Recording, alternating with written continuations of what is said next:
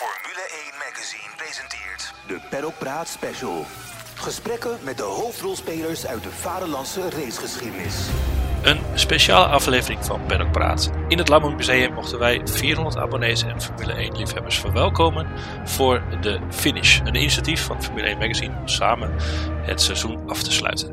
André Venema en Frank Woestenburg ontvingen aan tafel onze huisfotograaf Peter van Egmond, simrace-expert en tegenwoordig ook coureurscoach bij Alfa Romeo Atze Kerkhoff en Jan Lammers die natuurlijk verder geen introductie behoeft. Zij bespraken het seizoen 2022, de tweede titel van Max Verstappen en nog heel veel meer. Het publiek bestookte de gasten met vragen en dat alles hebben we verpakt in deze podcast. Dus we schakelen snel over naar het Lauwman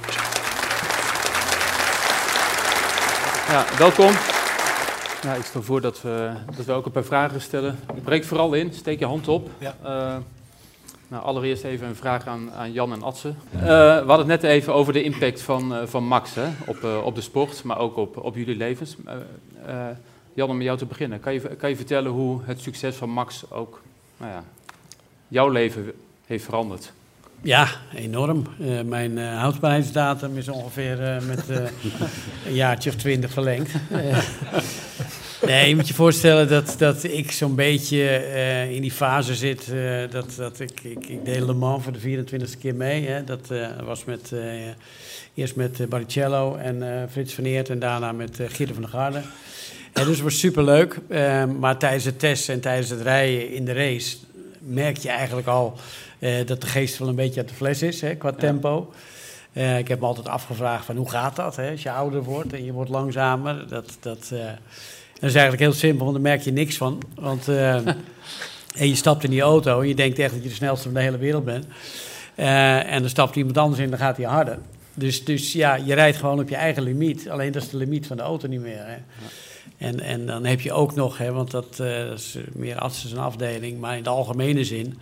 Vaak hebben mensen het over de limietrijden en noem maar op. Maar een rijder die kan 100% op de limiet rijden en nog niet snel zijn. Want als hij de verkeerde lijn heeft, en dan rijdt hij, rijdt hij op de limiet van die lijn die hij neemt. Maar die is niet optimaal. Dus het is, ja. het is niet zo simpel als alleen maar die limiet. Maar, maar goed, ik kwam mijn limiet tegen. Uh, en op een zeker moment dacht ik echt van nou, ik vond het ook niet leuk meer. Het was veel te overgereguleerd. Even over het lijntje en je bent af. Ja. Twee keer bewegen met remmen en je bent af. Hey, ik ben natuurlijk van de oudere generatie.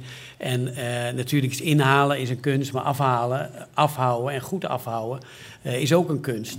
Ja. Dus, dus ik waardeerde alle twee die dingen. Ook als mensen mij blokkeerden. Dat was leuk, want dan was het jachtseizoen geopend en dan mocht alles.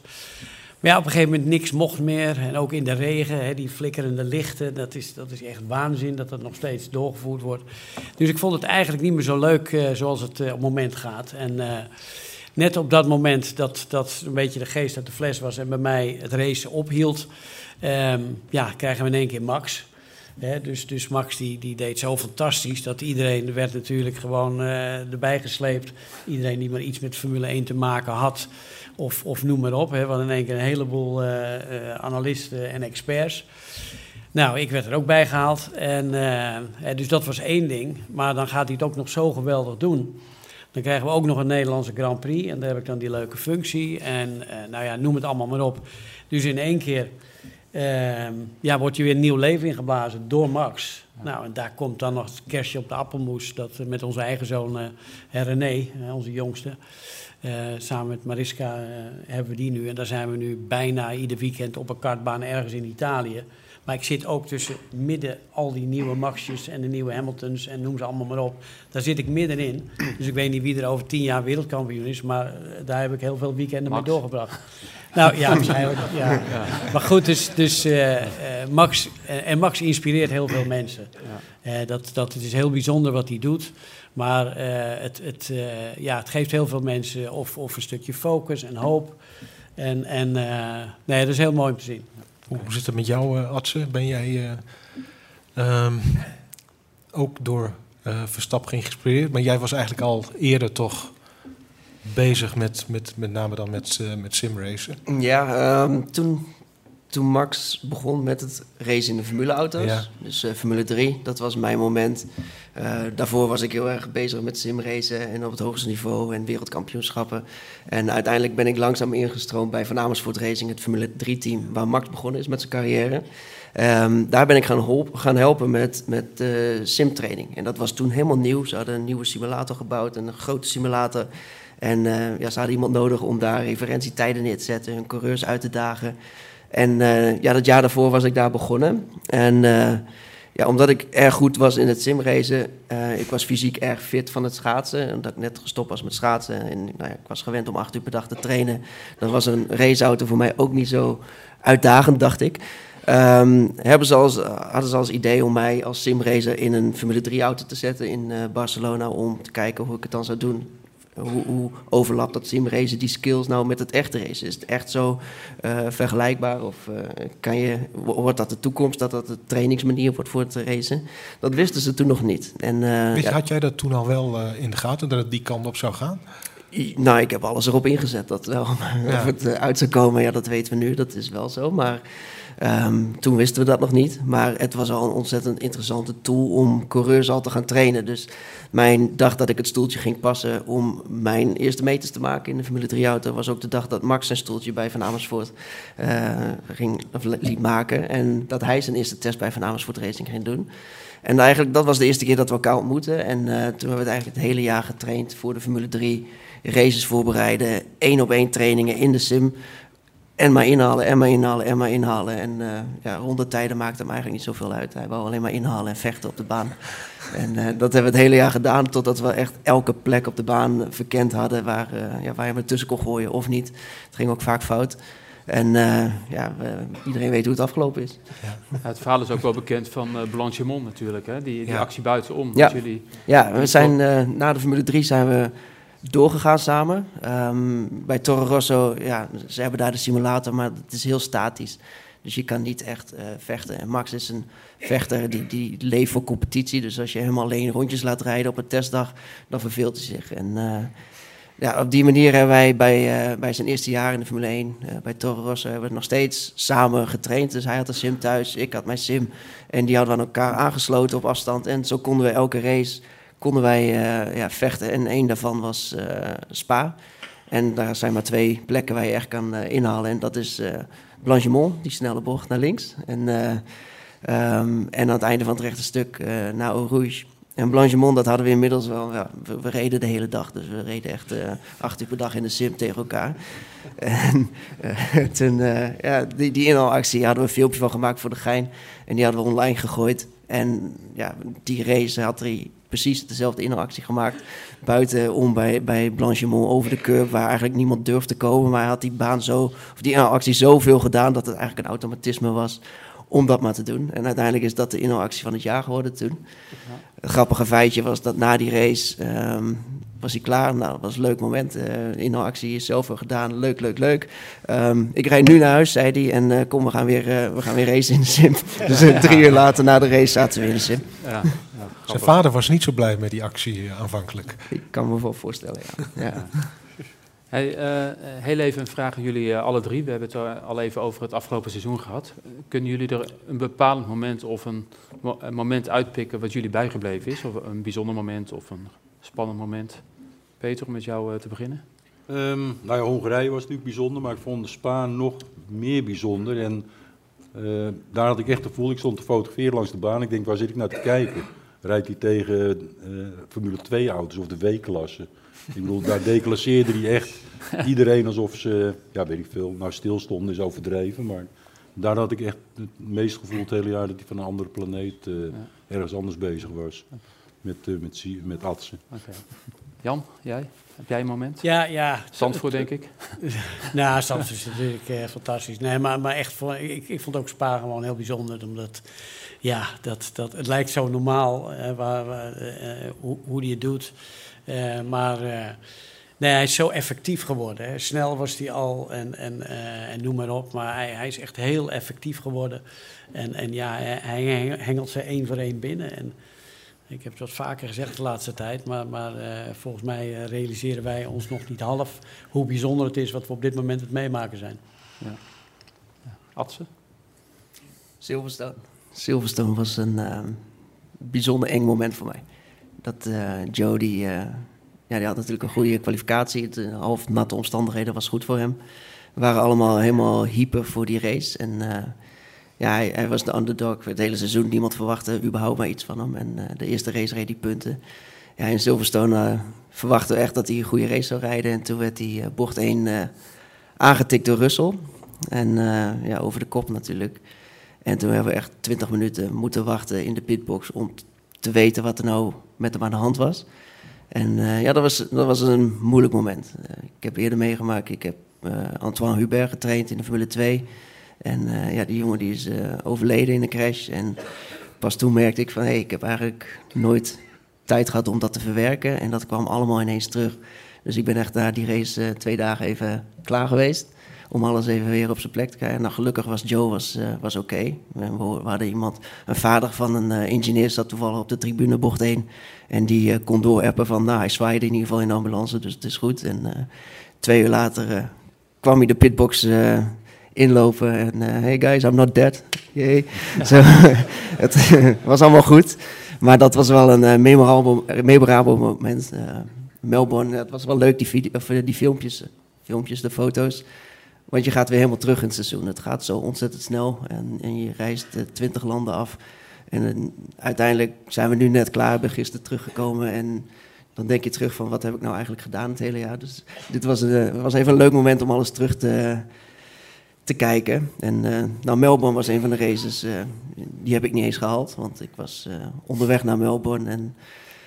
Ik was op het vliegveld en normaal drink ik altijd een biertje op het vliegveld. En dat biertje smaakte voor geen meter. En drie uur later lag ik in het ziekenhuis. Dus ik ben nooit, uh, ben nooit echt uh, op het ziekenhuis aangekomen. Want ik had voedselvergiftiging door de kindersurprises. Uh, salmonella-vergiftiging. Oh, ja. Dus dat was fantastisch. Ja, ja. Iedereen zat lekker business class. En ik lag daar in het ziekenhuis aan een infuusje. En, dus dat was geen fijne race. Amerika, maar, Amerika had je toch ook wat problemen? Ja, Amerika was ook interessant dit jaar. mijn vrouw was zwanger. Was zwanger, gelukkig nu niet meer. Maar in... in Amerika uh, ja, uh, kwam, de, kwam de baby uh, 2,5 weken eerder dan gepland. En die hadden we precies zo gepland. Of niks was gepland, maar het zou, zou zo zijn dat hij tussen Mexico en Interlagos geboren zou worden. Maar uh, ja, helaas uh, is ze een beetje dwars. En kwam ze 2,5 weken. heel snel. Dus. Heel snel. Ja. En dus na de vrije training 3 ben ik met me ja, vanaf de pitwall rechtstreeks vliegtuig ingegooid ja. en naar huis gegaan. Dat was, uh, was een leuk moment, om, uh, maar helaas de geboorte van mijn uh, dochter gemist. Was het ook de race waar je je spullen niet had?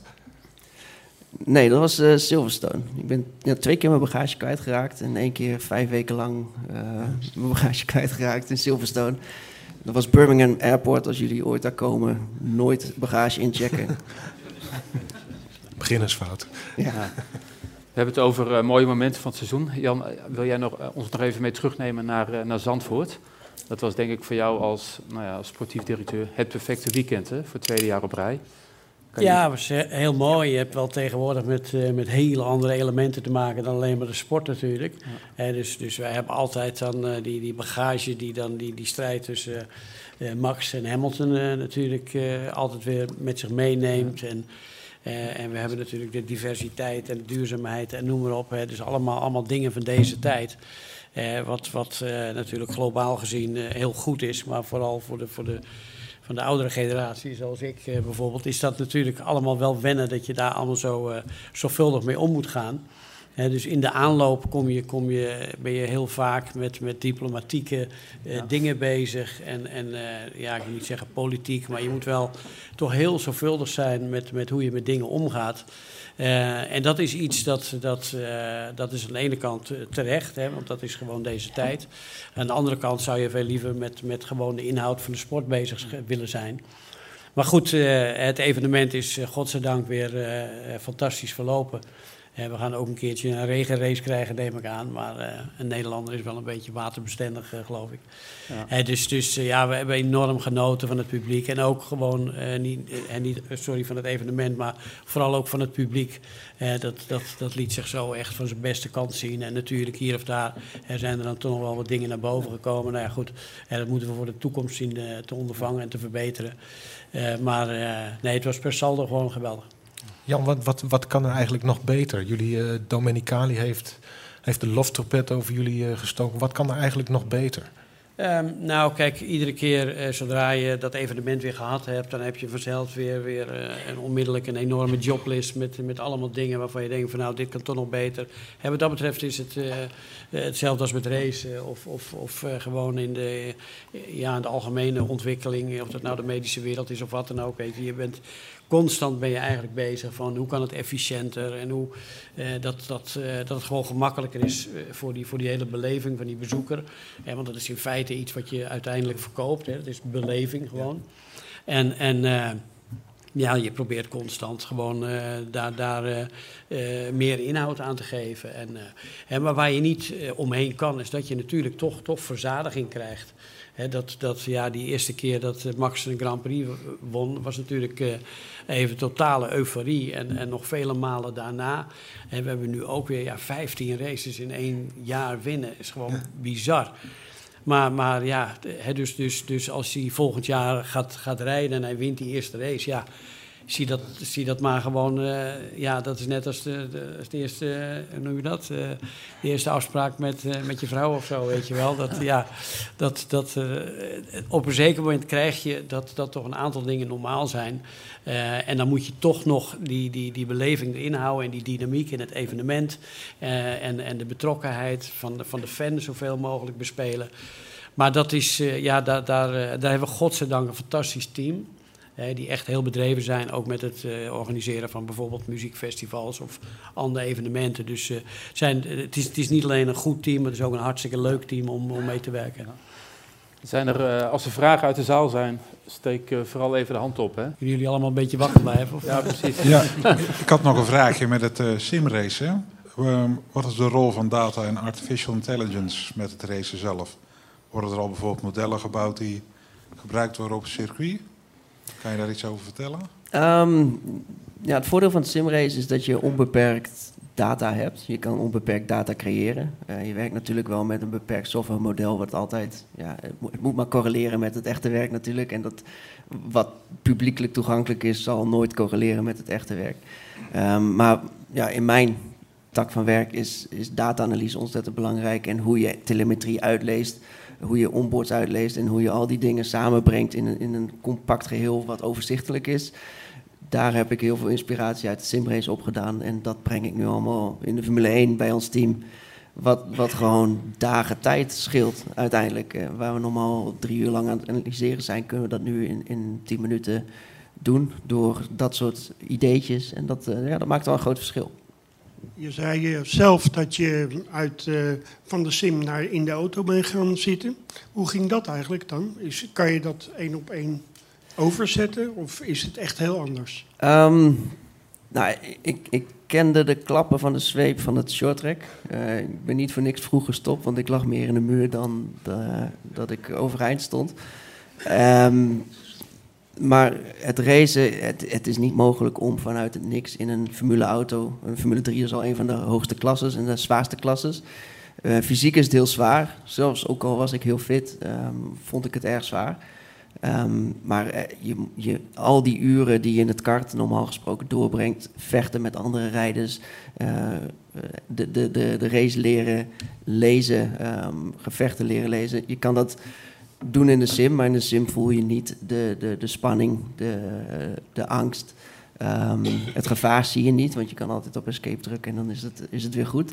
Um, maar het grootste klap voor mij was ten eerste het fysieke geweld. Van wat je voelt als je ineens wel 2,5G door een bocht gaat. Dus eh, dat je lichaam uit elkaar getrokken wordt, dat is toch wel even overweldigend.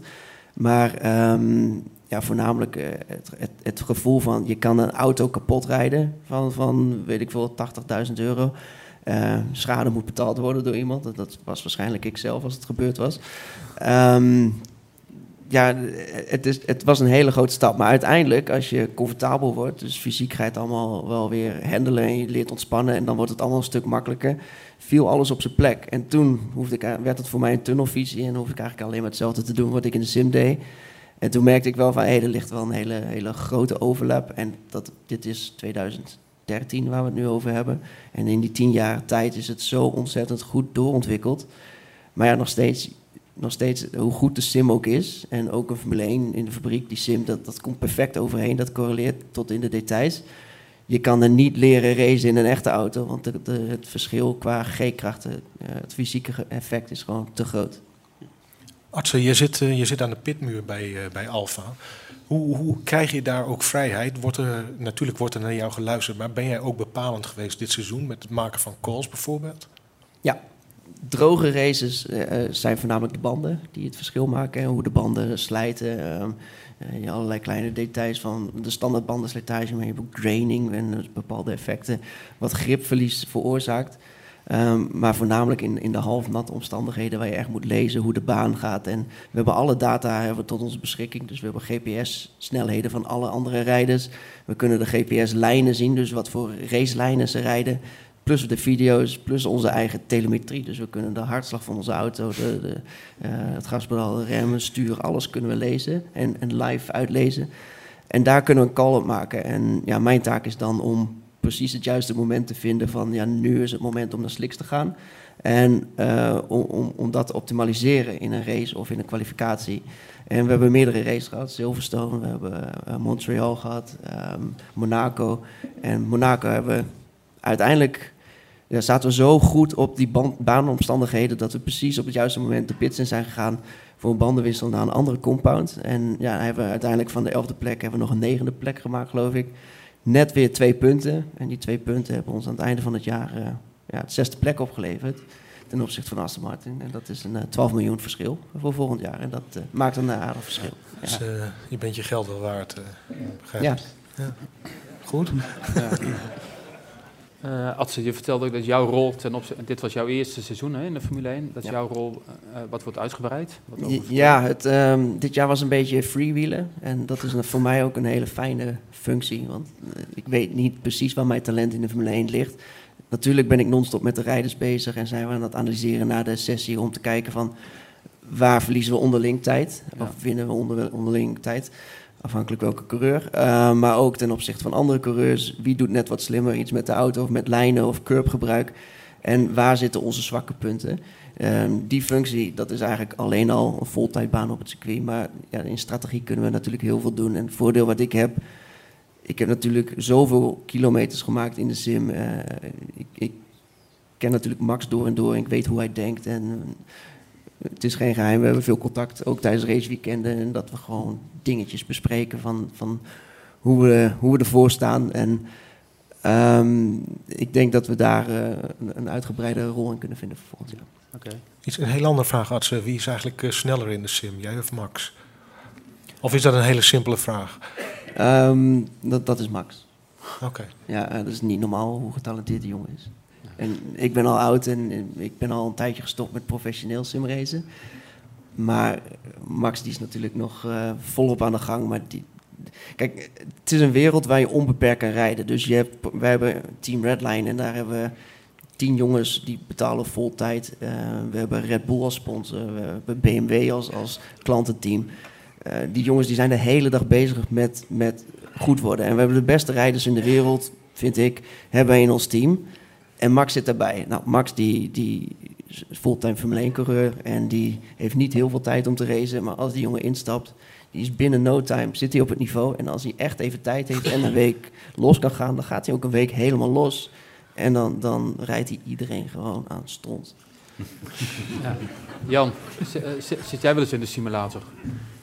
Nee, in, in, de eerste plaats omdat ik er een er niet uit krijg. Um, en dat is echt waanzinnig. Hè. Soms hebben wij uh, die kartweekenden. Daar, dan ga je dinsdagavond uh, bijvoorbeeld in Italië. Woensdagochtend om 9 uur stapt hij dan voor het eerst in de kart. En eh, dan heb je vaak zeven sessies op een dag. Dus dat is woensdag, donderdag. Dan op vrijdag heb je een paar vrije trainingen, kwalificatie in de eerste heats. Dan eh, zaterdag en zondag ook heats en warm-ups en alles. Nou, als je geluk hebt, ben je eh, zondagavond om half tien, tien uur eh, thuis. Maar dan, dan binnen tien minuten of zo zijn we er weer kwijt. En dan ga je kijken en dan zit hij weer in de sim. En dan is hij weer met zijn jongens gewoon op op zijn headset. Is hij weer aan het racen tegen die gasten. En dan rijdt hij Formule 4 en van alles. Dus, dus het is... het is ja, zo intensief. Maar ik moet zeggen dat ehm, ik, ik heb het geduld er niet voor. En vooral als je het echte gewend bent, eh, bent eh, ja, dan, dan eh, het grote verschil is dat in de sim is het puur visueel. Hè, dat, dat als ik bijvoorbeeld in, in een echte auto ga zitten en pak maar even Le Mans, iets waar ik de weg weet, dan, dan kan ik dus, dus eigenlijk ehm, bij wijze van spreken opschakelen, op mijn instrumenten kijken en in mijn stuur en gewoon in je systeem en in mijn gevoel weet ik dat ik op de goede lijn zit. Als ik aanzet op, op, op een, eh, een snijpunt, hè, de curbstones of wat dan ook, hè, dan heb je gewoon heel even de gelegenheid om even weg te kijken en, en, en dan je gevoel houdt je dan op de lijn. En dat heb ik dus met de sim totaal niet, want daar is het 100% visueel. Eh, wat super is, want als je op die manier leert rijden en echt gewoon alleen maar constant kijken waar je moet zijn op het circuit enzovoort enzovoort. eh, als, je, als je dat ook in de auto toepast, ben je, hè, dan heb je dat nog als een extra. Dus ehm, omdat ik het eigenlijk te veel eh, in de auto eh, heb meegemaakt, eh, kan ik het met de sim nooit eens worden. Dus, eh, Snap hem. ja, ik word er heel snel uitgeschopt ook steeds. Ja, en dat is ook altijd zijn schuld, want die eh, heeft hebben- het geïnstalleerd. We hebben vragen uit de zaal. Hoe hebben jullie ervoor gezorgd bij Alfa Romeo om het purposing weg te halen? Nou, we hadden eigenlijk eh, vanaf begin van het jaar weinig last ervan. Dus we, we hadden een beetje geluk. We hadden twee, twee gelukjes. Het eerste was, wij hadden het gewicht wel op orde. En eh, de rest had allemaal overgewicht. En ja, de, de pur, pur- purposing, purposing, ik weet nog steeds niet hoe je het uitspreekt, want het is nooit een probleem geweest voor ons.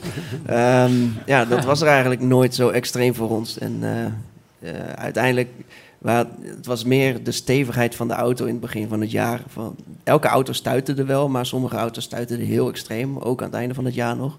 Ehm, maar het is meer de, de onderdelen die kapot klapten. Dat was het probleem bij ons eh, daarvan. En toen dat opgelost was, gingen we eigenlijk eh, heel snel, heel hard.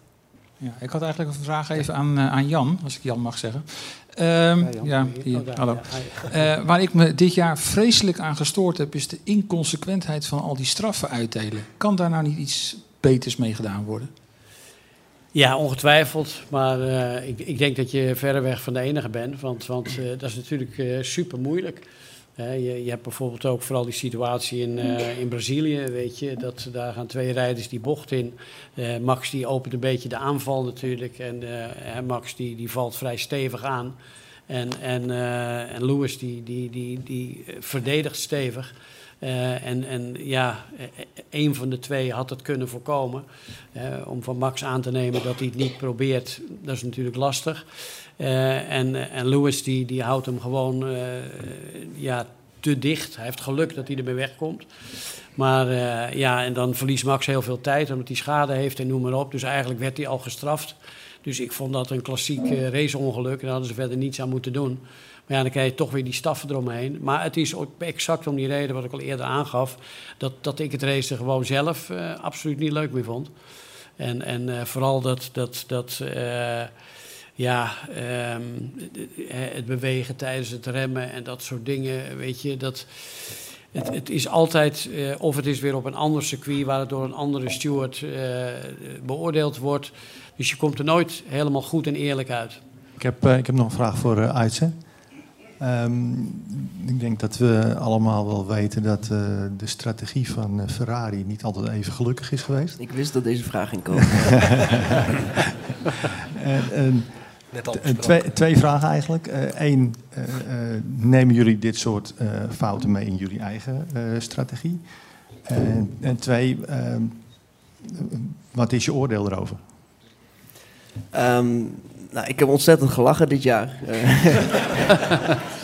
uh, wij zijn natuurlijk een heel, heel klein team vergeleken met Ferrari. En uh, we zijn het kleinste team op de paddock, ook qua budget en qua personeel. En um, ja, dan, dan zie je zulke grote teams zulke grote fouten maken. En ja, dat, dat, dat, zit waarschijnlijk ergens in de structuur van Ferrari.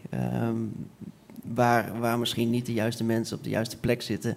En ja, dat is de Italiaanse manier van werken.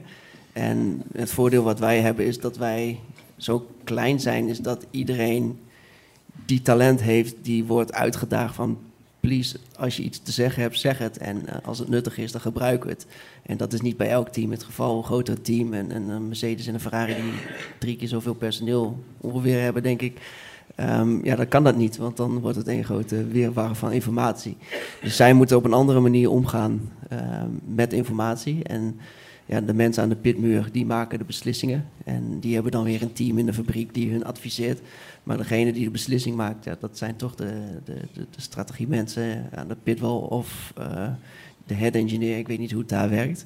Maar er is iets niet helemaal goed gegaan. En ja, sommige keuzes die ze maakten, dat, dat, dat was gewoon lachwekkend. Uh, en ja, daar heeft de hele wereld om gelachen, denk ik. Wat, wat, wat, was de, wat was de meest lachwekkende in jouw optiek? Ik zou het niet eens weten. Het is, uh, waren er meer? Ja, er waren, waren dus, het ging elke race mis op de deur. Ik denk het, het geheel van dat ze elke race gewoon net een fout maakten... waardoor Red Bull gewoon lachend ermee wegging. Dat, uh, en waar het voor ons, ons... Kijk, wat het leuk maakte voor ons... Het was zo logisch, sommige dingen, sommige bandenkeuzes... en dat ze dan compleet andere compound kozen... waarvan we wisten van ja, dat gaat gewoon helemaal niet werken. En ja, dan, uh, dan verloren ze weer op, op een knullige manier. Ja, uh, hartstikke bedankt. Jan, uh, voor jou een vraag. vanuit mijn oogpunt gewoon. twee fantastische Grand Prix gehad op Zandvoort. Echt waanzinnig. Ik heb ja, een stuk of zeventig al in mijn leven meegemaakt. Maar Zandvoort komt er met vlag en wimpel bovenuit. Gewoon vanwege de beleving. En vanuit daar ook mijn vraag. hoe kijken jullie als Zandvoort naar die nieuwe circuits die hier allemaal komen. Hè. Las Vegas, Miami, noem ze allemaal maar op. Gooi met onwijs veel geld en grote contracten. Ja, en jullie moeten het toch echt vanuit jullie zelf doen. Ja. En mij doet het een beetje pijn om te zien dat wij inderdaad, hè, jullie uh, als circuit uh, drie jaar met een optie voor twee jaar erbij, met moeite kunnen krijgen. En kijk naar Saudi-Arabië, grote contracten, miljarden die er tegenaan gaan. Joh, uh, gooi maar een circuit neer, ergens in de woestijn we rijden wel. Hoe kijken jullie daar zelf naar? Nou ja, dat, is, uh, dat geeft altijd weer een extra uitdaging. En, en uh, kijk, het is gewoon een voldongen feit, vooral in de sport, uh, met al die verschillende Formule 1-teams en noem maar op. en dat geldt ook voor de evenementen. zodra je een prestatie neerlegt, en of dat dan het ontwerp van een auto is of wat dan ook. maar zodra je iets presteert, dan, dan laat je een ander zien hoe je het beter kan doen. want ons plafond is vaak het platform van waaruit andere organisaties starten dus dus eh, als wij op een zeker moment komen van nou we willen de meest duurzame Grand Prix van de wereld worden, dan zijn er natuurlijk legio andere circuits die uh, in één keer, of promotors, die in denken van hé, hey, dat is een goede, dat gaan we ook proberen. samen met, uh, ik denk Canada zijn wij dan de meest duurzame. Um, maar, maar, ja, dat is toch een beetje de competitie die erbij hoort. bij ons is het wel een extra uitdaging dat je, um, dat je het natuurlijk helemaal op eigen middelen moet doen, voor eigen rekening en risico. Dus, dus we hebben geen overheidssteun. Uh, de gemeente Zandvoort die heeft dan over een periode van drie jaar uh, 4 miljoen, 4,1 miljoen uh, hadden die ter beschikking. Maar het grootste deel daarvan gaat toch vaak op aan bijvoorbeeld de treinstations en dat soort dingen. Hè, waar je op andere zomerdagen ook profijt van hebt. Maar een ander fenomeen is dat, dat dat zie je ook met het succes van, eh, van Max. Zodra je succes hebt, dan, dan eh, willen heel veel mensen daar toch in meedelen. Dus dus uh, als je dan met de gemeente weer gaat praten, dan, dan, dan heb je natuurlijk dat wij als organisator met de voetjes op de grond moeten blijven staan en gewoon ons niet hierop voorstaan, geen pretentie hebben, gewoon lekker hard blijven werken wat we constant gedaan hebben. Maar dat is niet iedereen gegeven. Hè. Dus wij hebben natuurlijk gewoon mensen in de gemeenteraad die, die toch uh, meer op een stukje individueel belang uit zijn dan het algemene belang. Dus je krijgt dat een heleboel mensen die willen op een bepaalde manier iets meepikken uh, van dat uh, succes. Hè, dus de gemeente Zandvoort die, die, die is nu vrij fanatiek om te kijken of ze daar toch per kaartje iets van kunnen krijgen. Nou, wij vinden dat natuurlijk niet zo geweldig, omdat als er verlies was geweest, hadden ze ook niet meebetaald. Neem ik aan. Dus, dus, dus ik hou van consequentheid. Dat als iets eh, op die kant op de lijn eh, zo is, dan moet je het ook andersom kunnen draaien. En ik neem niet aan dat ze in het verlies hadden deelgenomen als dat zo was geworden. Dus ik vind dat moeten ze van de winst ook afblijven. En, eh, en Zandvoort floreert op dit moment. Het is, is in de gemeente is nog nooit zo goed gegaan economisch. Ik woon er zelf. Als ik nu op een doordeweekse avond ergens even wat wil eten s'avonds. Het is hartstikke druk. Dus dus, dus eh, dat is echt ongelooflijk. Maar ja, dat is dus maar één aspect. Hetzelfde krijg je natuurlijk bijvoorbeeld met, eh, dat kan de organisatie zijn van FOM of wat dan ook. Mensen zien het succes, dus die denken, nou, dat kunnen we iets meer uitonderhandelen. Dus het, het is niet iets van, nou, gaan we volgend jaar door, ja, dat is prima. Nee, iedereen wil toch weer zijn eigen positie weer verbeteren. En dat, dat maakt het natuurlijk hartstikke moeilijk. En eh, wat ook heel belangrijk is, is gewoon al die mensen, daar zit passie en emotie bij. We kennen natuurlijk, Bernard heeft het circuit overgenomen. En daar is het eigenlijk begonnen, samen met eh, Menno de Jong. Nou, toen zijn die sport, twee sportmarketingbedrijven erbij gekomen, hè, Sportvibes en TIG Sports. En met z'n drieën is daar een mooi team gevormd, met allemaal enthousiaste, gepassioneerde mensen. En eh, het, het goede gevoel, gewoon dingen doen waar je een goed gevoel bij hebt, dat is heel belangrijk. Dus ik hoop dat we dat goede gevoel eh, nog, nog voor eh, veel jaren kunnen beschermen. Maar je wordt eh, inderdaad constant uitgedaagd. Gaat de sport met, met Liberty, we zien Las Vegas, afgelopen jaar Miami. Wordt, wordt Formule 1 misschien niet te veel entertainment en show in plaats van sport? Ja, is het dat niet altijd geweest? Ja. Dat, eh, hè, dus ze leren natuurlijk met, eh, omdat je veel, veel eh, sneller en veel dichter bij die bezoeker. Ja, en die, die racefan, die, die, die betrokkenheid, die kun je echt vanuit, vanuit huis eh, kun je die natuurlijk koppelen. Eh, ik denk dat het, eh, waarschijnlijk technisch is het al mogelijk, dat, dat, dat jij gewoon de Grand Prix van Monaco of waar ook maar gewoon meerijdt. En dan sta jij naast Max op de grid. Ja, ik bedoel, eh, hij weet niet jij er staat, maar jij, hè, voor jou is dat wel echt. Hè? Dus ik denk dat we straks eh, dat soort races kunnen gaan beleven. Dat je gewoon mee kan gaan racen. Hè, dus we hebben nog wat stapjes eh, te gaan voordat we dat kunnen implementeren wereldwijd. Hè, maar qua marketing zie je gewoon dat, dat die verbinding met die fans en die, die daar ook gewoon... je hebt de wet van de grote getallen, die is zo groot geworden... dat al besteden ze maar 1 of 2 euro, is dat al gigantische inkomsten. Dus ja, je ziet dat Formule 1 door de hele marketing, ook door Netflix, zo populair wordt. Dat, dat die, die evenementen, ja, ik denk als we nu 30 Grand Prix in een jaar zouden kunnen hebben, ja, ik denk dat ze alle 30 uitverkocht gaan zijn. Maar Jan, ik denk dat, eh, dat André ook bedoelt van... eh, eh, er zitten hier ook mensen uit, uit België in de zaal. Eh Spa-Francorchamps staat... nou? Oh jee. Ja, ja zeker. Spa-Francorchamps staat eh, ter discussie. Eh, en Ja. ondertussen komen andere circuits Dat- met, dat met is wat minder trieste, historie ja. op de kalender. Dat Ja. is misschien ook een beetje de tendens. Die, dat, Nou, dat is, dat, is, dat is heel pijnlijk, zeker voor de puristen. Ja. Hè? Want, want de circuits natuurlijk als eh, Spa-Francorchamps, eh, de Nordschleife, eh Ja. oud, oud eh, Branch Hatch. Maar in Amerika heb je ook een paar prachtige circuits... Hè, die allemaal gewoon toch weggevallen zijn. Ofwel vanwege de veiligheid of commercie. En dat soort circuits, hè, degene die wel kwijt zijn, wil je nooit kwijt. En Spa is natuurlijk ook gewoon een prachtig, prachtig circuit, prachtig eh, evenement gewoon. Eh, wat alle rijders, iedereen die, die, die, die gewoon van autoracen houdt, die houdt van Spa. En wij vinden dat natuurlijk gewoon, het doet ons pijn om te zien dat, dat eh, een deel van ons succes dan, dan misschien ten koste van hun is gegaan in het verleden. Maar gelukkig leeft het nu allemaal op. Eh, want want eh, ja, het feit dat je, dat je natuurlijk zelf succes hebt met je evenement, eh, wil je natuurlijk wil niet zeggen dat je anderen dat misgunt. Dus, Nee, maar Max zei zelf laatst ook van dat, dat, dat, eh, nou ja, dat je merkt dat het plaatje soms belangrijker wordt dan het racen bij de keuze voor circuits. Nieuwe stratencircuits, Las Vegas Ja. bijvoorbeeld. Ja, natuurlijk. Maar, maar ik bedoel, laten we eerlijk zijn, we doen er allemaal aan mee. Ja. Hè? Want als er volgend jaar een race is in eh, Las Vegas, ik weet niet hoeveel er hier in de zaal zitten die denken, nou, als ik daarheen kan gaan, dan ga ik heen. Hè, dus, dus, dus ja, het, het, het, het, is, eh, het is de prijs die je voor het succes betaalt. En, en eh, da- daar zitten natuurlijk niet alleen maar goede aspecten aan. Dus aan de ene kant vinden we het geweldig dat het zo leeft. Ja. Maar aan de andere kant eh, ja, is, is, is, is het inderdaad zo dat je vaak op nieuwe...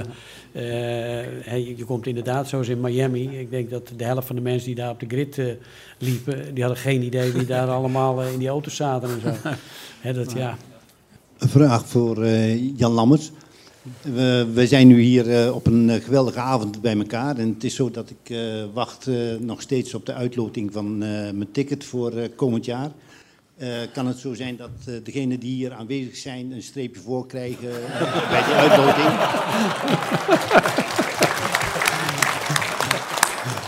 wij, tonen, wij tonen allemaal heel veel interesse in, in de sport en heel veel interesse in Formule 1. Dus ja, als ik het niet vraag, krijg ik geen antwoord. Ja, nee, ik geef ze zo gelijk even mee. Dat is parkeerplaatsen, catering, dus... Nee, uh, ja, dat, dat, uh, dat is een van de dingen die ik bedoel. Hè, dat, dat wij kunnen misschien wel 500.000 kaarten verkopen. Maar ja, we kunnen er per dag maar, ik denk, rond de 110.000 vestigen. En, en dan moet je dat ook nog, hè, want het is allemaal leuk als al die mensen komen. Het is helemaal leuk als je ook nog een biertje kan verkopen. Maar dat moet er aan de andere kant ook weer uit, weet je. En dan merk je dat, dat je dat toch ook beter moet gaan managen. En want dat soort dingen, dat, dat zijn dan dingen waar we tegenaan lopen. En vooral uh, de mannen die zijn natuurlijk dan even wat makkelijker bedeeld. En die hebben dan ook niet het, uh, het, geduld om, om, om achter twee of drie mensen in de rij te gaan staan. Hè. Dus, dus, dus die, die laten zich zeker niet van hun beste kant zien. En dus, dus ja, het, het, je, je, hebt zoveel mensen die... je zou er wel 200.000 willen uitnodigen. Maar we hebben er maar 110.000. Dus aan de ene kant zijn we heel trots en zijn we super blij dat, dat, dat we helemaal uitverkocht zijn. Uh, maar dat vereist wel, wel uh, veel, veel organisatie. Want iedereen die, die een kaartje koopt en heeft besteld, hij wil toch antwoord hebben en die wil bijna één op één contact hebben. Uh, dus dus dat, dat is een hele opgave. Dus daar doen we onze stinkende best natuurlijk. En, en globaal denk ik dat we iedereen tevreden kunnen stellen. Maar helemaal 100% bereik je nooit. Dus kortom, nee, ik heb geen kaart. Even een, eh, een, vraag over het eh, circuit zelf uh, in Zandvoort. Jullie hebben jarenlang strijd gevoerd tegen allerlei soorten actiegroepen en mensen die kikkers en padden veel belangrijker vonden dan het grote vermaak voor de grote groep. Hoe staan jullie daar nu voor? Hebben jullie alles in kannen en kruiken of zijn jullie nog steeds bezig met bepaalde groepen duidelijk te maken dat het ook op een andere manier kan? Uh, nou ja, we, we zijn natuurlijk uh, op een heleboel manieren op de proef gesteld. Hè? Dus, dus iedere keer uh, en je hebt duinverenigingen, milieuverenigingen en, en, en, je hebt natuurlijk gewoon ook de wetten waar je aan moet houden. En je moet je, je vergunningen aanvragen, dat is niet één A4'tje. dus dat is een compleet boekwerk waar je echt een heleboel juristen op moet zetten om te zien dat je gewoon aan de juiste voorwaarden voldoet. dus, dus wij zijn het meest vergunde evenement in Nederland. Dus, dus wij hebben overal vergunning voor. Um, maar nogmaals, dat, dat de, de, milieuverenigingen en, en de natuurverenigingen, die blijven ons constant natuurlijk, uh, wat ik zeg, op de proef stellen. Omdat de perceptie van een autorace is natuurlijk vervuilend. Hè, maar de werkelijkheid niet. Het zijn de bezoekers. Als die met de auto komen, net zoals grote voetbalevenementen of wat dan ook. Dus, dus, dus, de bezoekers, daar, daar zit de vervuiling. Niet die twintig auto's die uh, toch wel op een efficiënte manier even twee uurtjes rondrijden. Uh, dus, dus dat valt allemaal wel mee. En, uh, en nu ook, ik moet wel zeggen dat, dat de kloof tussen al die organisaties toch wel kleiner is geworden. We gaan met, met veel wederzijds respect met elkaar om. Uh, en en ja, alleen ja, wat mag, je van elkaar, wat mag je redelijkerwijs van elkaar verwachten, is natuurlijk ook wel iets waar je het gezonde verstand bij moet gebruiken. Dus we, zijn er heel eind gekomen. wij, wij hebben een heleboel dingen kunnen verbeteren. Dus we zijn ook een heleboel hun kant opgekomen. Dus wat dat betreft zijn we blij dat, dat zij ons eigenlijk geholpen hebben om, om dat duurzame, uh, de, die duurzame prestatie zeg maar, te kunnen claimen. Hè. Dat we kunnen zeggen, nou, we zijn de meest duurzame, maar dat is deels ook door die organisaties. Dus je moet bij jezelf ook met zelfreflectie gewoon voorzichtig zijn, door er altijd maar uh, negatief op te reageren. Je moet er gewoon voor openstaan. Wat alleen lastig is soms, uh, soms sorry, dat, dat is dat sommige mensen staan er principieel in. En mensen die er principieel tegen zijn, die kun je nooit tevreden stellen. Want ieder, ieder antwoord die je op een vraag geeft, er komt weer een nieuwe. Dus dat zijn, dat zijn de moeilijke situaties. We hebben hier nog een vraag. Ja, ik heb een vraag voor Atse. Um, Atse, jij werkt met uh, ja, een van de oudste coureurs op het veld en je werkt ook met een van de jongste coureurs op het veld. Hoe, hoe gaat dat in de omgang? Want je bent natuurlijk driver performance. Ja, je probeert ze allebei te verbeteren, maar eh, werk, werken ze allebei mee? Werkt de ene makkelijker mee dan de andere? Hoe, hoe ga je daarmee om en hoe gaat dat in zijn werk? Um, ja, toen, toen we begonnen dit jaar, de auto was nieuw. Um, de de line-up was nieuw, dus we, we eindigden vorig jaar met Kimi en uh, Giovinazzi. En dat, eh, toen werkte ik overal voor Romeo op het circuit de laatste races. En dat was een ja, flinke ervaring, Kimi Räikkönen. um, Hoe bedoel je gaan dat? we niet op in. Oh. nee, ja, sommige coureurs zijn gewoon klaar met hun carrière. En die zijn er dan ook echt klaar mee. En dat, dat, dat schemert door in de communicatie. Um, maar ja, goed, we hadden dit jaar hadden wij een nieuwe, uh, nieuwe line-up. En uh, Valtteri kwam natuurlijk van Mercedes. En dat is voor ons ontzettend waardevol geweest. Omdat er uh, ja, heel veel tips en tricks en dat soort dingen werden, werden ons uitgelegd van ja, waar we heel wat mee konden doen. Um, en Joe was de, de nieuweling. En Joe kwam een beetje in de Formule 1. Um, ik denk dat niemand überhaupt ook iets van hem had verwacht. Nee. En um, ik denk, ja, het was, was voor, dat was voornamelijk mijn taak om Joe zo snel mogelijk op gang te krijgen. Om uh, hem te helpen. Elk circuit is nieuw voor hem. Um, dus hij moest elk circuit leren. En, en, ook al heb je drie vrije trainingen, je rijdt eigenlijk maar een paar echte pushlaps. En om, om het circuit te leren op de limiet van de auto. Dus je moet gewoon ontzettend veel voorbereiden in de simulator, in de, uh, in de bespreking, in de briefingen. Alles wordt in detail voorbereid. En ja, daar is een ervaren rijder die daarbij betrokken is, is natuurlijk ontzettend uh, waardevol. Dus Valtteri is, ik durf wel te zeggen, het beste wat ons kon overkomen. Omdat hij gewoon heel rustig is, heel relaxed. Hij, hij uh, blijft in elke crisissituatie. We hebben in het midden van het seizoen heel veel problemen gehad met betrouwbaarheid. Ja, is hij altijd rustig gebleven en altijd het team blijven steunen en motiveren. En dat is natuurlijk gewoon belangrijk. En daarnaast hadden we Joe als jonge hond die, die bleef pushen. Heel veel geleerd heeft. Um, uiteindelijk ook, nou eigenlijk al in de eerste race liet zien van dat hij toch wel echt heel snel kan zijn en meteen punten pakte. Um, ja, en dan werk je samen als team. En uiteindelijk kwam Joe steeds dichterbij, Valtteri zijn pace. Um, hebben we een moeilijke periode achter de rug gehad in het midden van het seizoen, maar konden we aan het einde weer opkrabbelen.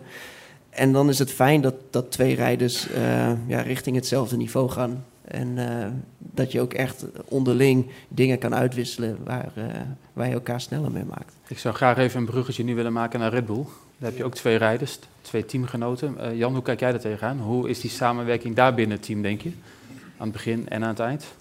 Nou, als ik zo, zo Adse beluister, dan, dan, dan uh, hè, dus die vraag komt helemaal perfect. Want dan zit ik me af te vragen, dat is niet iets waar, uh, waar veel mensen bij stilstaan. Maar als je bijvoorbeeld uh, een Perez neemt, um, ja, die, die krijgt eigenlijk gewoon het hele jaar masterclass.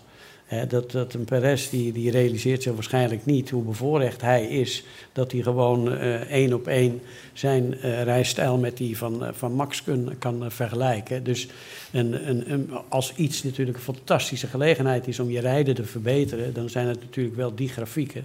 En, en weet daar natuurlijk alles van. Maar ja, ik, ik denk dat iedere, iedere rijder eigenlijk ja, er wel van. van van, van, van, droomt om te kijken hoe die zich verhoudt tot Max. Hè? Want, want ik denk dat, dat iedereen het daar wel over eens is dat Max een beetje het beste is wat we ooit gezien hebben. Ja. En, uh, maar ja, dus, dus uh, ik, ik zie wel dat dat vaak het nadeel is van, van, van die beste rijder van het team.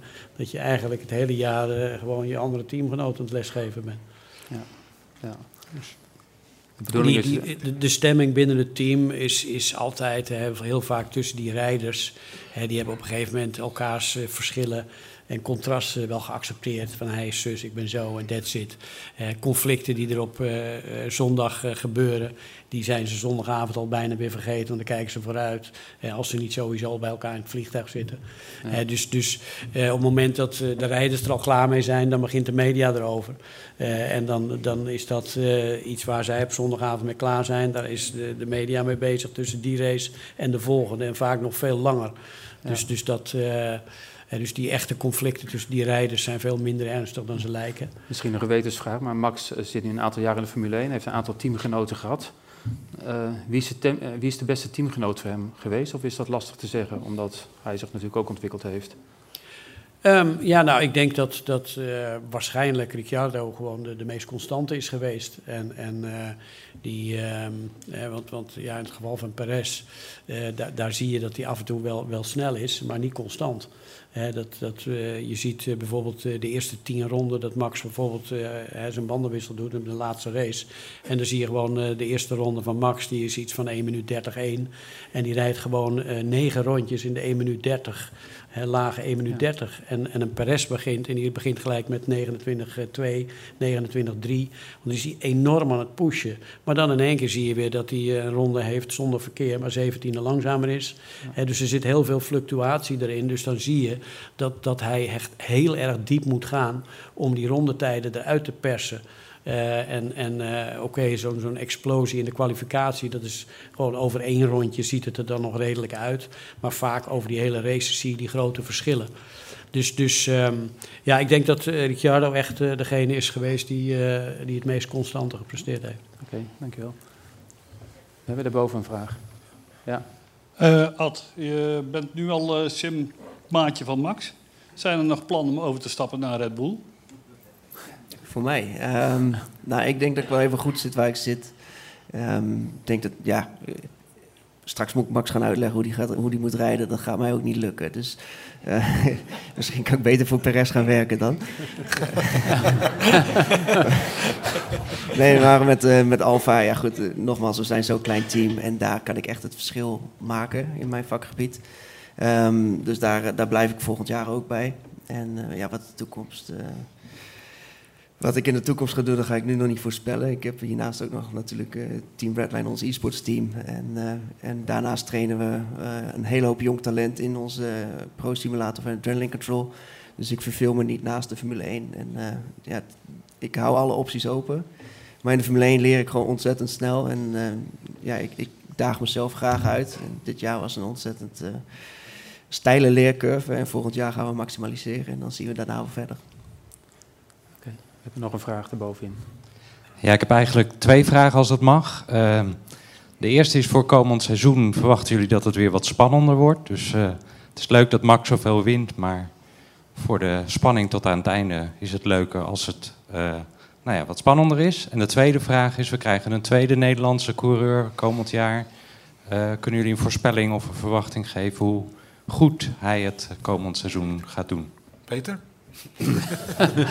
ja, ja, ik wacht uh, lekker tot uh, hoe heet dat, begin maart af. Ik weet het echt niet. Um, ik, volgens mij kon Nick en ik denk dat Jan het beter weet. Die heeft denk ik... Nou, jij, jij bent de enige die hun snelheid kan beïnvloeden. Dus jij wel ja. een langzamere sluitertijd neemt, dan gaan zij harder. Dus. Ja, dat is een koud kunstje. Nee, ik denk dat, dat uh, we moeten wel fair zijn ten aanzien van het verwachtingspatroon van, uh, van Niek. Want, want uh, die heeft natuurlijk even wat wedstrijdritme wat hij weer op moet bouwen. ik denk ook dat hij misschien het nadeel heeft dat toch ja, nu, en nu Gasly het overstapje heeft gemaakt ja, dan, dan uh, denk ik dat uh, ja, Tsunoda is natuurlijk gewoon, uh, heeft zoveel stappen gemaakt. En, dus, dus ik denk dat die twee, het zijn wel alle twee dezelfde afmeting, kleine mannetjes. daar weet ik alles van. maar, dus, dus ik denk dat die twee elkaar wel goed gaan aanvullen. Maar dat, dat ja, Nick die zal even, althans alles wat hij het eerder doet, is alleen maar geweldig. En die zal wel een paar races nodig hebben om gewoon goed in het ritme te komen. En wat ik zeg, Tsunoda, die treft hij wel zo'n beetje uh, op, op, op de bloei van zijn carrière. Want uh, die, die heeft toch gewoon die laatste paar races uh, het Gasly verschrikkelijk moeilijk gemaakt. en, hè, dus dat, dat is heel opvallend. maar ik denk dat het een super, super mooi seizoen wordt wat dat betreft. En de spanning ook wel, want ik verwacht dat, dat het momentum wat, wat duidelijk Mercedes had... Hè, want naarmate gewoon we tegen het einde van het seizoen kwamen, kregen ze steeds meer vat op de zaak en deden ze steeds meer mee. Dus uh, ik denk dat de kans heel groot is dat, dat Ferrari gaat de puntjes op de i zetten. die waren misschien verrast door hun eigen succes. dus dus het ging supergoed ten opzichte van de jaren daarvoor. Enorme stap gemaakt, maar nog wel rommelig. Dus ik denk dat als die een klein beetje orde op zaken weten te stellen. En Mercedes weten we van dat die de zaken goed voor elkaar hebben. Dus ik verwacht eigenlijk dat sowieso die zes auto's de strijd met elkaar gaan aanbinden. Uh, en dan zal, zal, er absoluut nog een dark horse uh, tussen zitten. Uh, Alfa Romeo natuurlijk. dus dus ja, die Joe gaat zich echt in de top 3 mengen. Nee, maar dan kunnen wij zeggen van, daar waren wij bij. Ja. Nee, maar dus ik denk sowieso dat die strijd tussen die zes auto's, verwacht ik dat het echt nog dichter bij elkaar gaat zitten dan dit jaar. Uh, en, en, uh, en dat vind ik ook trouwens het knappe van, van, uh, van Max dit jaar. Als je kijkt naar andere rijders die in. je hebt 15 races. dat, die hij gewonnen heeft. Je zou bijna denken dat hij gedomineerd heeft. Maar dat is dus niet zo. Hè, dus, dus hij is nog even een paar keer uitgevallen met pech. Uh, en, en hij heeft een paar races echt moeten vechten en naar zich toe moeten trekken. En, en het is niet zo dat hij gewoon met, uh, met één hand uh, met de beste auto altijd gewonnen heeft. En dat maakt het extra bijzonder, wat ik aan het begin van de avond al zei. Ja. Denk jij, Jatsen? Verwacht je ook een... Ja, Mercedes en Ferrari, die zullen ongetwijfeld een grote stap maken. ik denk Ferrari voornamelijk in betrouwbaarheid. Um, ik zie nu pas iemand in Ferrari voorin zitten. Sorry voor mijn opmerking eerder. het is alleen de strategie wat helemaal ruk was. De rest was, was echt wel goed. um, nee, maar uh, Mercedes zagen we aan het einde van het jaar. Die, die, die zijn gewoon aan het wachten tot volgend jaar. En dan zetten ze alles op in. Die hebben, dit jaar dus niks meer te winnen. Um, de kleine upgrades, denk ik, zijn allemaal met het oog op 2023. En dan gaan we wel weer een heel sterk uh, Mercedes zien.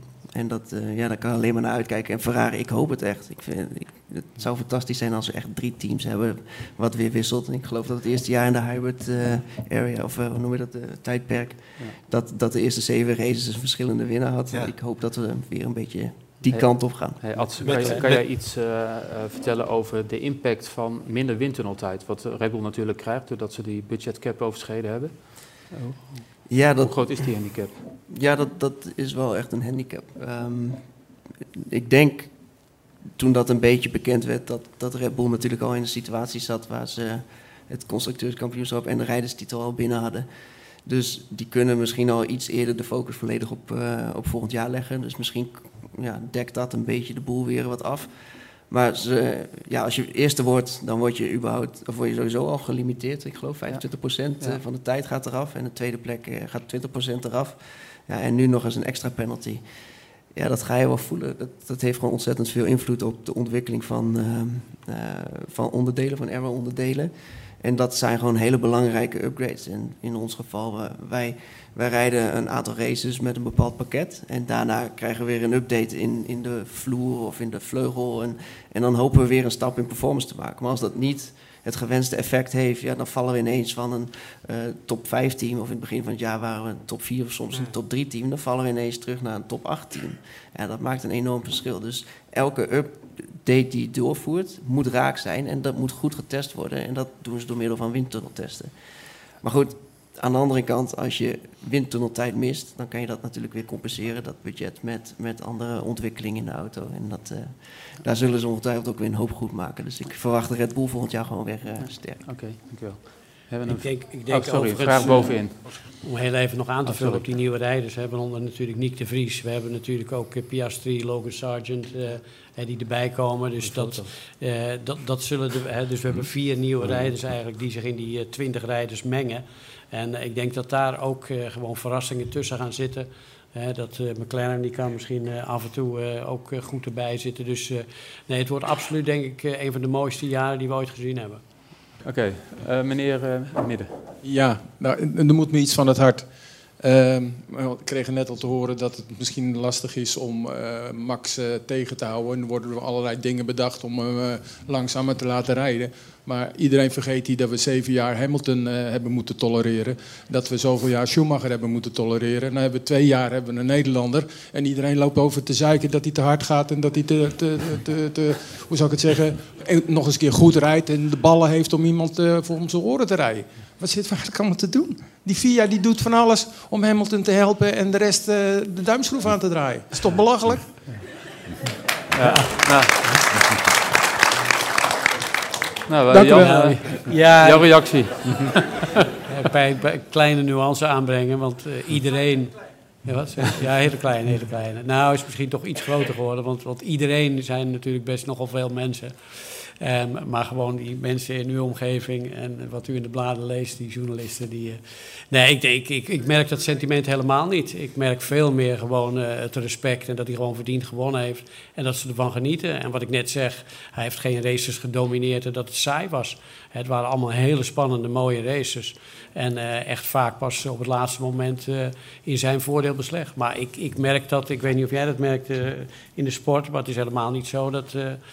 Uh, dat de FIA druk bezig is met, uh, met Hamilton of wat dan ook. Dat, dat, uh, nee, dat is, dat is denk ik een stukje perceptie, maar dat, Dat merk je in de werkelijkheid toch niet? Het is voornamelijk teambazen die invloed willen eh, uitoefenen op de VIA. En sommigen zijn er erg goed in en sommigen wat minder. Ik hoop dat ze het allemaal wat eh, moeilijk maken voor de topteams. Dat het voor ons weer wat makkelijker wordt volgend jaar. Maar ik, ehm, ik denk als het, als het veld echt geleveld is. En natuurlijk met, met dat eh, wind, windtunnel, eh, ehm, eh, dat reductietijd. Dat komt alles wel weer wat dichter bij elkaar. Maar ik denk dat het alleen maar een voordeel van Max is. Want Max is als coureur in mijn ogen superieur. Dus maak die auto's allemaal gelijk. En dan hebben we nog tien jaar wereldkampioen. Dankjewel. We hebben een vraag. eh, even kijken. Ja, Ja, oké. Eh, ik heb even een, eh, een vraag voor Peter. Uh, ik vind je een geweldige fotograaf. En je loopt al heel wat jaren mee. En nou, nou vraag ik me af. ik hoop uh, dat uh, die van jou is. Nou vraag ik me af. Uh, um, staat de opvolging al klaar? Want het is voor jou natuurlijk een keer over. Vandaar, ik zeg het is een heel persoonlijke vraag. Ja, nee, dat mag. Uh, hoe denk je daar zelf over? Uh, heb je daar zelf al uh, ideeën, plannen over? zijn er andere mensen die je zich naar voren zou willen schuiven van... joh, ga een paar seizoenen met me mee, dan kun jij mijn plekje overnemen? Ja. Nou, als dat, als dat mijn foto's moeten worden, dan, dan gaat het nee, helemaal niks worden vandaag. Maar. Ik, ik snap je vraag en eerlijk gezegd ben ik er zelf ook wel mee bezig. Want ik heb al vier maanden AOW gekregen inmiddels. Ehm, En ik heb ook voor twee jaar bijgetekend en ik zou het eigenlijk best wel graag over willen dragen. Maar um, uh, ja, ik, heb, ik heb geen idee. vind hem maar.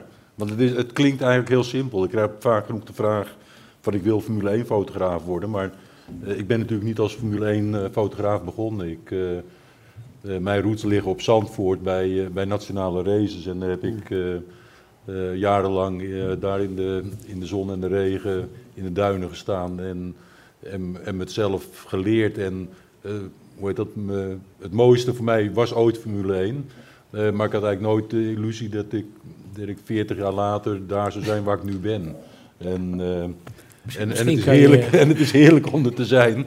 Maar ja, ik ben, uh, ik, ik, kan, ik heb, vroeger kocht ik een jaarkaart hoofdtribune en ik zat op een koude stoeptegel naar Jan te kijken die met zijn 16 in een Simca Rally voorbij reed. En daar was ik gewoon stinkend jaloers ja. op.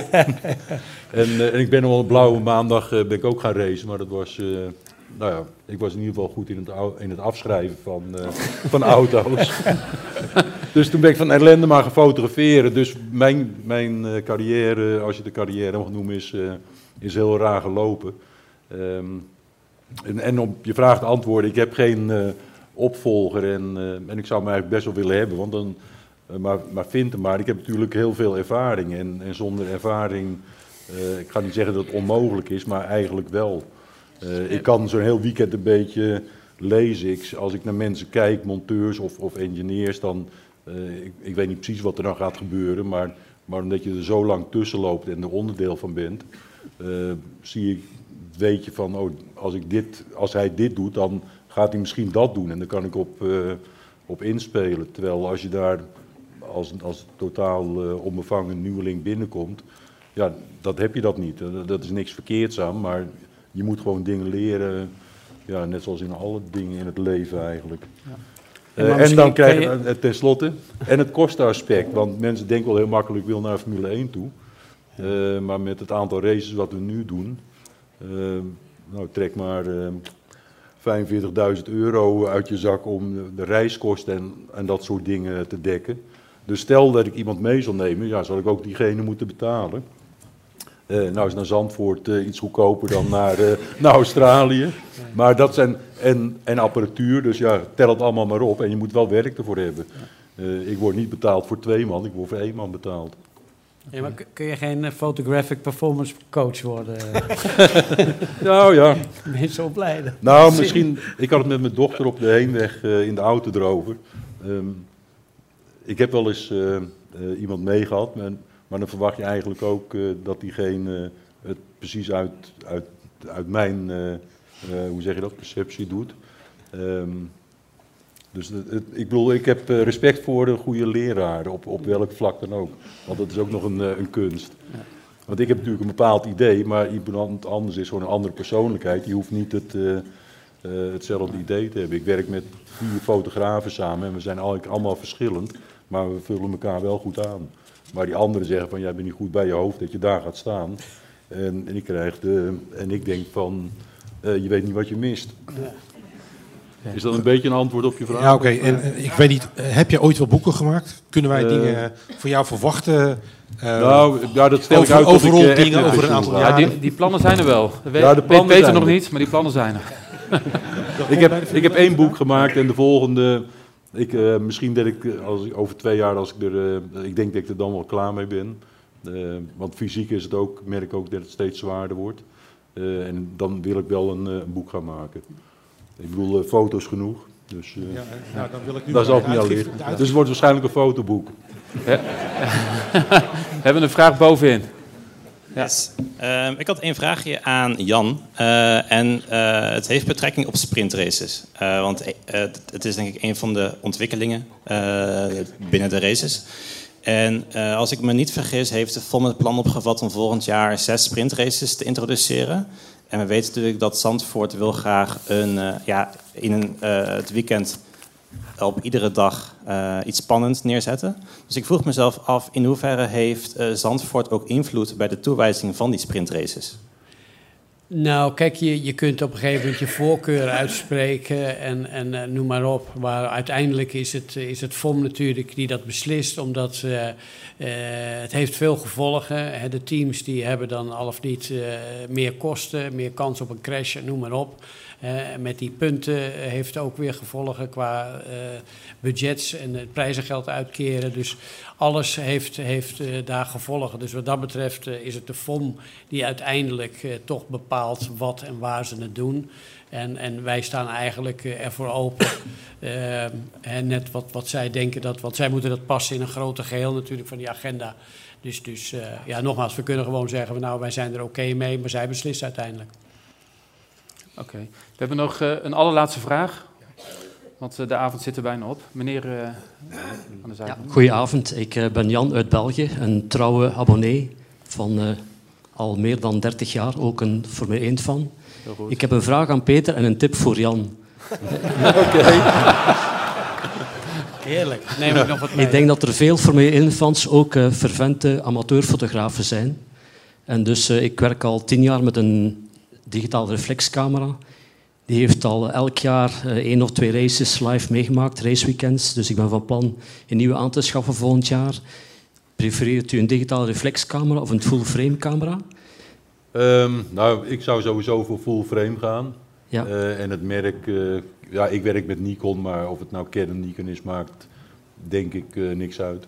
Ja, die zijn wel stukken prijziger dan een digitale reflexcamera natuurlijk. dat en, is een ander verhaal, ja. Ja. Goed, in dat verband een tip voor Jan. Ik was vorig jaar een van de gelukkige Belgen die naar Zandvoort kon gaan. En dan als amateurfotograaf was het zeer bedroevend dat je niet je eigen fototoestel mocht meenemen, nog een telelens. Dus enkel met je mobiele telefoon mocht filmen. Ja. Ik begrijp dat u uh, moet hoffelijk zijn naar uw collega's, fans die op de tribune zitten. Dat u dus niet met een tripod statief of met een monopod statief gaat. Dat u erop let dat u met uw telelens de andere mensen niet hindert. Maar het is wel heel spijtig dat dus die protocol er was en dat u dus aan de ingang al uw fotomateriaal moest achterlaten. Dus een tip naar volgend jaar toe misschien. Ik denk dat er onder die duizenden fans ook wel een aantal uh, honderden amateurfotografen zijn die zeker op vrijdag trachten het circuit rond te wandelen en uit een aantal goede spots foto's te nemen. Zou dat mogelijk zijn in de toekomst of is het echt een no-go? Nou, het punt is dat wij natuurlijk uh, die fotografen die ongeveer 45.000 euro uittrekken om de wereld rond te reizen en dure apparatuur kopen, die willen wij natuurlijk gewoon ook nog wat uh, laten verdienen. Dus ja. ik denk dat. Ja, Peter zal het niet erg vinden. Nee, ik, ik denk dat daar is in ieder geval goed over nagedacht. En daar probeer je natuurlijk beslissingen te nemen die, uh, ja, die gewoon verstandig zijn. En, uh, en je kan niet uh, iemand op de tribune hebben met grote telelenzen.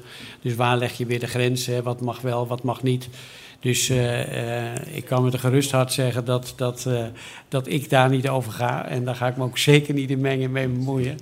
Dus uh, dat, dat, uh, ja, dat, dat is een kwestie van uh, een stukje veiligheid. En eh, en noem maar op. Dus, dus eh, ik weet niet wat daar exact het beleid of de reden is, maar eh, gelukkig is dat niet mijn afdeling. Maar eh, ik, ik zal hem wel even doorgeven hoor. Dus, eh, Mag ik daar ook nog wat over zeggen? Ja, graag. Ja, want ja, Eh, eigenlijk, want eh, ehm, ik, heb, ik word inderdaad door heel veel, of nou ja, relatief veel mensen over benaderd dat, eh, eh, ja, wat meneer zegt, eh, dat het niet mag. En, en ik, heb ook, ik, ik vind het een beetje raar, want eh, er is geen enkel ander circuit. Ik doe, zo- ik doe het, hele, het hele riedeltje en, en Nederland is het enige land waar het niet mag.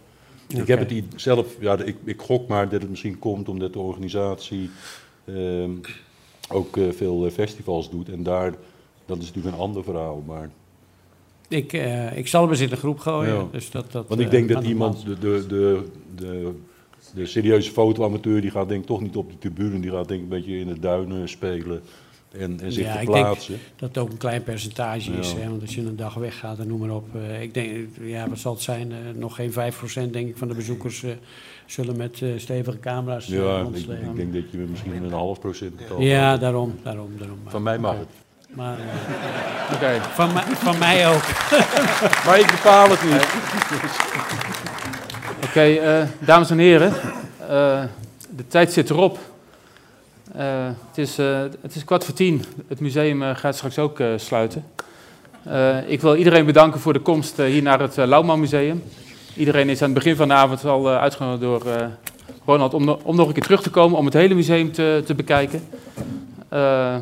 Het idee is ook dat we dit soort sessies vaker gaan organiseren. Dus houd in de gaten.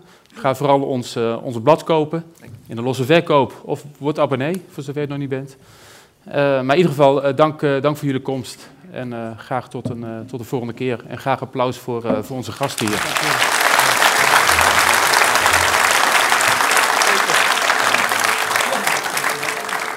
Dit was de Pedal.